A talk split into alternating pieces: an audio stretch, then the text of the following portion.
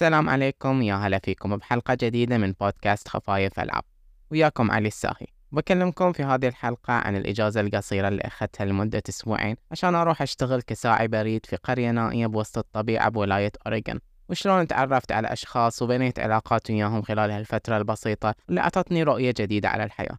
طبعا كل هالكلام في لعبة ليك.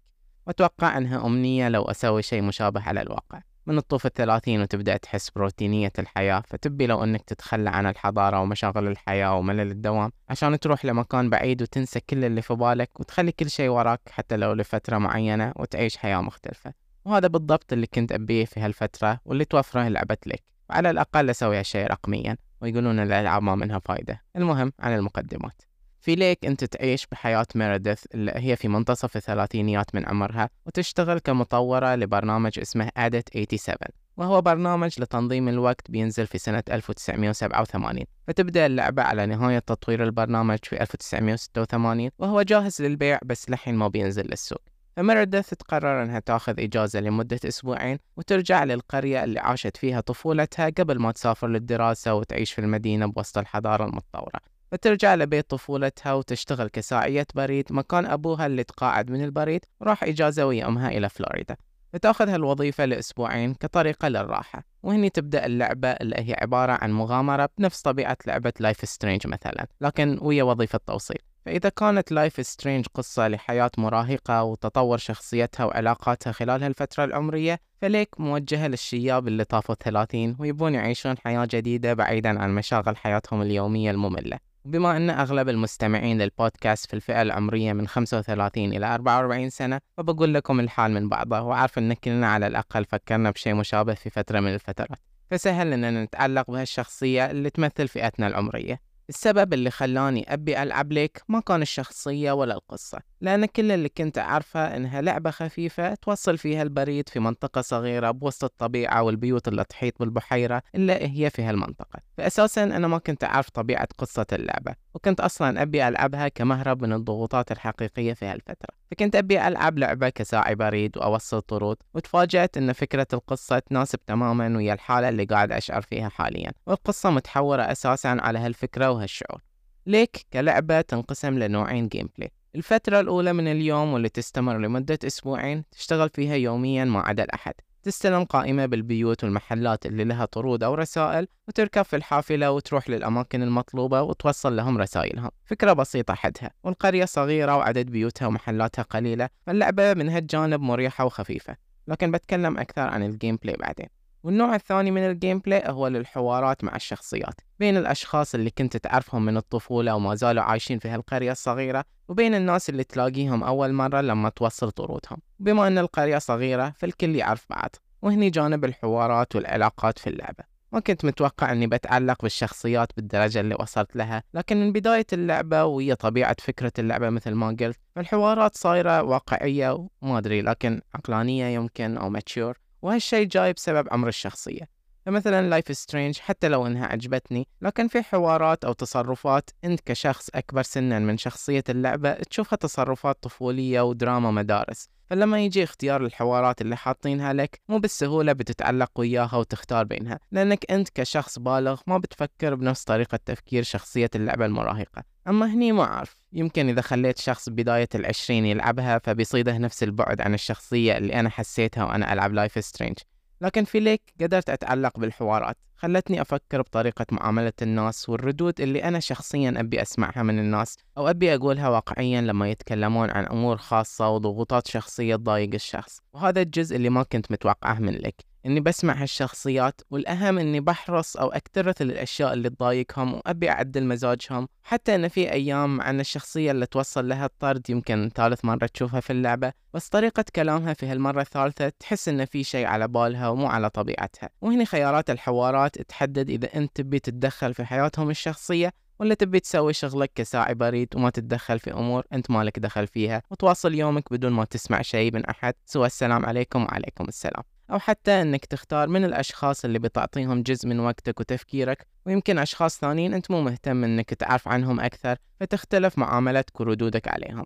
يعني بالنسبة لي شخصيا يمكن شخصيتين أو ثلاث بس اللي ما كنت مهتم إني أتدخل بحياتهم ومو مهتم إني أعرف أكثر عنهم. أما الباقي فكانوا مهمين بالنسبة لي وهالشي يرجع لأن الكتابة جيدة سواء كتابة الحوارات أو مشاكل هذه الشخصيات أو حتى الردود اللي تجي من شخصيتك. فلما كنت أشوف هالشي في عالم اللعبة كنت أتخيل الحياة بالصورة اللي أنا أبيها تكون وكنت أعكس الردود اللي أنا أبي أسمعها من الأشخاص لو أنا كنت في مثل هالحالة. والمهم أن هاللعبة اللي أنا كنت أبيها مهرب من الضغوطات خلتني أواجه أشياء أنا كنت أبي أبتعد عنها. لكن تظل ليك لعبة. واللعبة برمجيات وخيارات وعواقب محددة مسبقا. فعاجلا أو آجلا بتبدأ تشوف المحدودية وبتنكسر الواقعية اللي كنت تحسها. وهالنقطة بالنسبة لي كانت في الأربع أيام الأخيرة من الإجازة لأن الجزء الأفضل من اللعبة هو لما تبدأ تتعرف على الأشخاص وتكون العلاقات وحتى بنص اللعبة لما تكتشف الضغوطات اللي يواجهونها وتتدخل في حل هالضغوطات. أما نهاية اللعبة فيطيح الجانب لأسوأ شيء شفته في ألعاب الخيارات الصراحة. لأن بالنسبة لي حسيت بتجربة وحوارات واقعية في بداية ومنتصف اللعبة واندمجت لدرجة خلتني أشوف الشخصيات الرقمية كناس واقعيين لكن النهاية تكون يا أبيض يا أسود وما في شيء بالوسط. وهني تحس بمحدودية تأثير الخيارات لأن النتيجة النهائية اللي بتوصل لها ويا كل الشخصيات أو حتى تأثيرها على حياة ميريدث نفسها تقتصر على خيارين. فمن هالجانب خيبت ظني لكن فعليا هل في لعبة كانت بتوصل لطموحي بالواقعية اللي كنت أنا أبيها؟ ما أعرف الصراحة. يمكن يتطور ال machine learning أو إذا ChatGPT وصل لمكان خيالي وضافوه للألعاب يمكن مستقبل غريب وكل شيء ممكن. فكل هذا من جانب الحوارات. فشلون عن gameplay توصيل البريد؟ بكل صراحة حده serviceable وما يسوي إلا الحد الأدنى من اللي مطلوب منه. فخيب ظني من هالناحية. كنت أستمتع بأول أسبوع وأنا أوصل الرسائل لكن بعدها بدأت أشوف النواقص كان المفروض أن اللعبة تكون أفضل من هالناحية أو يكون متعوب عليها أكثر. هي اللعبة عموما متواضعة بكل شيء. طبعا لأنها لعبة indie بميزانية قليلة وحتى عدد وخبرة قليلة من المطورين فما أبي إني أعاملها معاملة خشنة لكن كنت أبيها تكون أفضل من هالناحية وفي بالي أشياء أتخيل إنها كانت بتساعد. أولها بما أن القرية صغيرة وفيها عدد قليل من البيوت والمحلات فالمفروض أن الخريطة المصغرة ما تكون موجودة في اللعبة وزين أن في خيار عشان تشيلها. لكن شخصيا ما أتوقع أنه كان خيار موفق أنهم يحطون mini map و GPS. أولا لأن اللعبة في 1986 وثانيا لأن منطقة اللعب صغيرة وهي جوهر التجربة والدافع وراء زيارة الشخصية الرئيسية للمكان.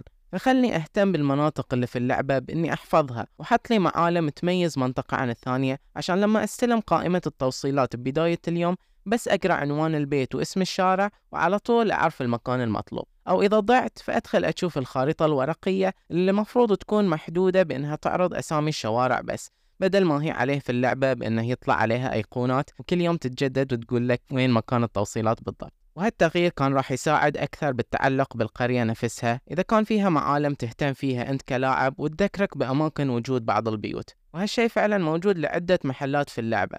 فأعرف بالضبط مكان الشخص اللي يصيد السمك ومكان الحطاب ومكان محل الفيديو. فاللعبة تنجح من هالناحية للأماكن المهمة لكن باقي بيوت السكن فكانت تحتاج اهتمام أكثر عشان تحسن هالجزء من ال gameplay وتضيف عمق أكبر لجانب التوصيل والتعلق بالقرية كشخصية حالها حال باقي الشخصيات. فممكن تشوف إن البعض يتملل من جانب التوصيل ويبي يروح لأجزاء القصة والحوارات أسرع لأن هذا اللي صار لي بنص الأسبوع الثاني. وبالنسبة لي كنت أبي أجزاء التوصيل من الأساس قبل ما أعرف طبيعة اللعبة. القصة والحوارات كانت شيء جانبي هي اللعبة شدتني لها من التجربة. فأحس إن Lake منقسمة لشيئين وما تربطهم جودة عشان تخلي اللي يلعب يندمج ويا الجانبين من اللعب. أتفهم إن تركيز المطورين كان على أجزاء الحوارات لكن كان في فرصة ذهبية إنهم يقدمون الشيئين بصورة تخليك تقول إنها ممتازة بالجزئيتين بدل من إني أوصل لنهاية الأسبوع الثاني وأنا متملل من جزئية التوصيل لأنه ما يتطور ولا يجذبني بالشكل المطلوب. Lake عموما لعبة متواضعة من كل النواحي ما عدا الحوارات. يعني ال graphics بسيط وأنا شخص ما أهتم ب graphics الألعاب لكن بعد كان ممكن إنها تختار تصميم بصري يميزها شكليا لأنها تفقد هوية بصرية. وبعض التمثيل الصوتي رديء من ناحية إنها ما تخليك تحس إن الحوار متواصل بشكل طبيعي وتحس إن التسجيل مختلف بين الجملتين وهالشي ياخذك خارج جو الاندماج. وتكلمت عن gameplay التوصيل وبتحصل أخطاء تقنية مثل لما توقف الحافلة على الرصيف وتجي سيارة وراك وتوقف وما بتتحرك نهائيا حتى لما تشيل سيارتك وتروح لمكان ثاني. بترجع لهالمكان وبتشوف زحمة طويلة لأن السيارة اللي كانت وراك وقفت طول اليوم بمكانها الذكاء الاصطناعي ما عرف شلون يتصرف. أو بتوصل طرد لشخص وتشوفه قدامك لكن ما تقدر تكلمه إلا لما يكون بمكان محدد. فتمشي قدامه ولا كأنه يشوفك لحد يوصل لمكانه المطلوب.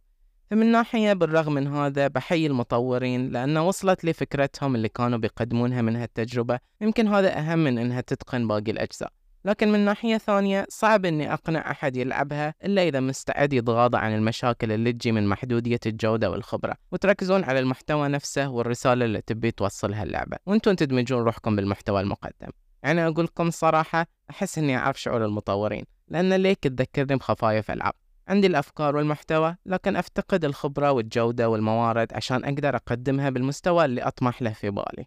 لكن كنهاية أعرف أني اندمجت ويا ليك واللي تقدمه لأني تغاضيت عن وايد أشياء ما يعني أنها مو موجودة لأني ذكرتها خلال هالحلقة. وكتجربة قصيرة ما أمانع وقتي اللي قضيته في اللعبة لأنها قدرت تجذبني بالرغم من تواضعها وهذا الأهم بالنسبة لي كتجربة. وكانت هذه حلقة اليوم. كان وياكم علي الساهي ومع السلامة.